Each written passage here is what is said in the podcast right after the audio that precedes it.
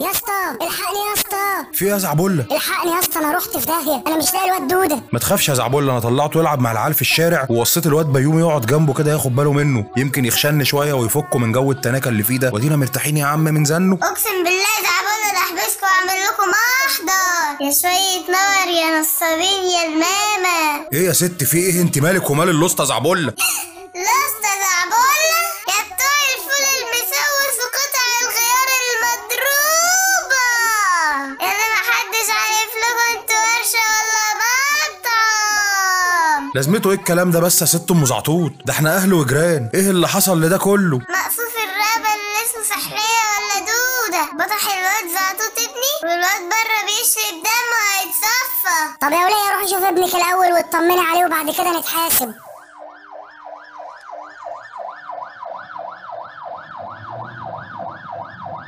أهل الاسعاف وصلت أهي يا أم زعطوط أجي معاكي نطمن على الواد؟ ده خلاص خليك يا على قولك إحنا أهل وجيران. لا ده أنا بس كنت مغضوب على الواد شوية بس. أصل الواد كان نازل يجيب زبادي للسحور بس نسى الفلوس. يا أم زعطوط الواد دمه بيتصفى. يلا اتحركي ولما نرجع نكمل.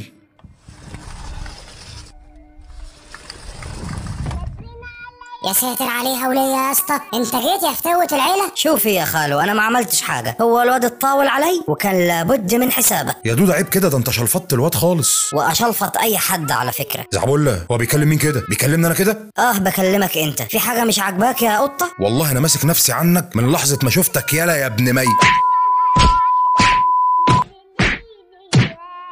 خلاص يا اسطى الواد هيموت في إيدك يا اسطى. اوعى يا زعبله وحياة أمه لموته. يا اسطى خلاص والنبي يا اسطى استهدى بالله وصلى على النبي.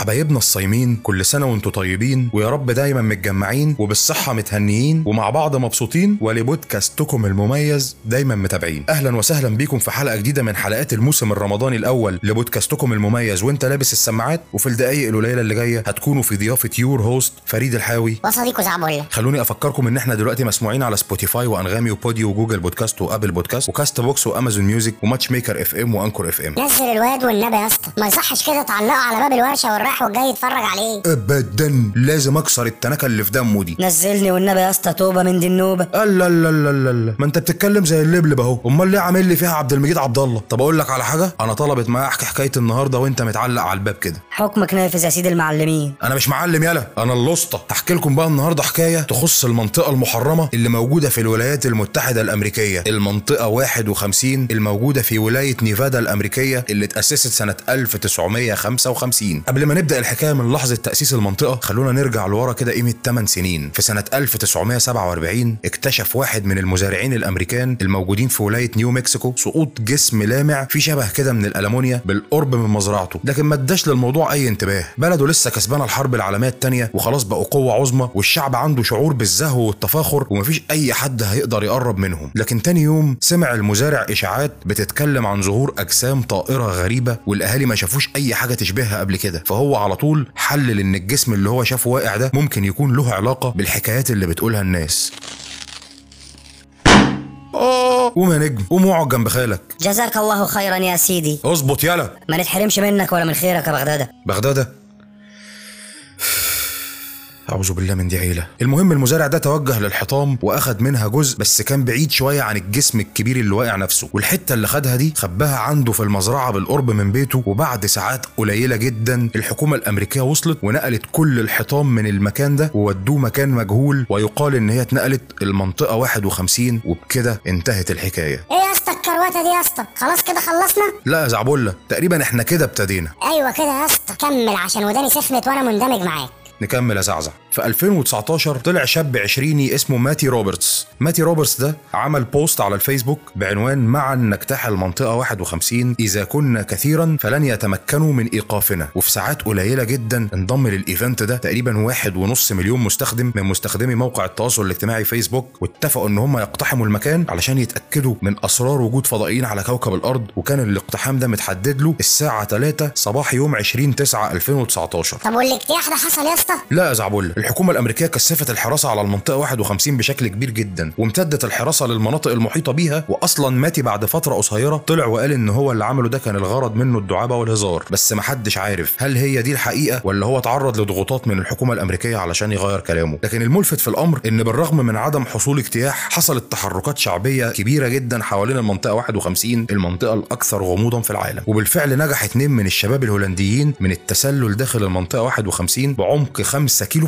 بحالهم وكان معاهم كاميرات ولابتوبات لكنهم ما قدروش يشوفوا أي حاجة. واتمسكوا وتم إطلاق سراحهم بعد ثلاث أيام ودفعوا غرامة 2000 دولار أمريكي. بالرغم من إنهم قالوا إن هم بيجيدوا اللغة الإنجليزية وقروا التحذيرات اللي كانت موجودة بس عملوا كده بدافع الفضول. طب وهي دي منطقة كبيرة يا اسطى؟ بص يا زعزع المنطقة 51 دي مقامة على مساحة 3 مليون فدان. الأرض اللي مقام عليها المنطقة كانت في الماضي بحيرة اسمها جروم ليك لكن البحيرة دي جفت. ويقال إن هي لما تأسست سنة 1955 كان الغرض منها هو إخفاء حطام السفينة الأمريكية اللي وقعت في روزويل سنة 1947 وإخفاء أجسام وجثث كائنات فضائية كانت جواها وقت حدوث التحطم. كائنات فضائية وجثث فضائية الاتنين مع بعض. آه يا زعزع كائنات فضائية.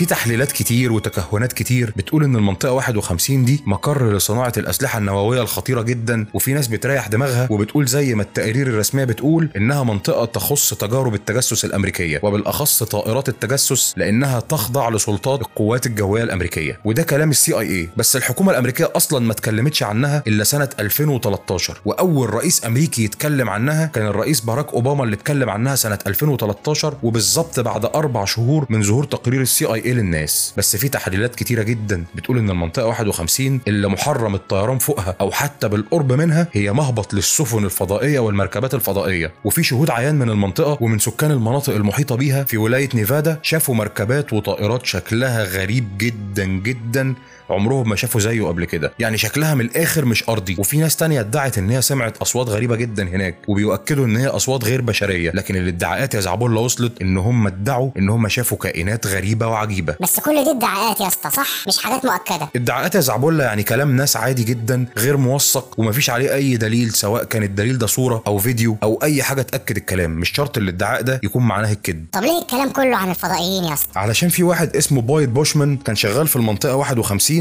وهو عنده 40 سنة حصل على 26 براءة اختراع سرية. الراجل ده قبل ما يموت يا سجل فيديوهات بيعترف فيها إن الحكومة الأمريكية في مشاريع عمل على الغزاة. والغزاة دول يا مش بشر وعايشين على كوكب بيبعد عن مجرتنا ب 68 سنة ضوئية. وإن هم عندهم القدرة من التكنولوجيا وعلوم الدروب الكونية اللي تخليهم يقطعوا المسافة دي في 45 دقيقة أرضية. وإن الغزاة الفضائيين دول في منهم نوعين. نوع بيحب يتكلم مع البشر ونوع تاني بيكره تماما الكلام مع البشر. وادعى بايد بوشمان إن طولهم تقريبا 150 سم وأصابعهم أطول من أصابع البشر الطبيعيين بحوالي 30 سم طب ودول يا اسطى بيتكلموا عربي؟ لا يا خالو دول بيتكلموا بالأصول. بس لا حلوف انت وهو. دول كانوا بيتواصلوا مع البشر بطريقة اسمها طريقة التخاطر التليباثي اللي هو هو واقف قدامك مش بيتكلم بس انت سامع كل حاجة هو بيقولها. بيبعت لك إشارة كده زيها زي مسجات الواتساب. وفي سنة 2008 خضع بويد بوشمان لاختبار كشف الكذب علشان يتأكدوا من الكلام ده إلا إن النتيجة كانت صادمة. النتيجة كانت بتقول إن الراجل ده صادق في كل كلمة قالها وإن كل كلامه صح ومعنى كده فعلا إن الحكومة الأمريكية على تواصل مع الكائنات الفضائية وبتعمل معاها مشروع عمل كامل.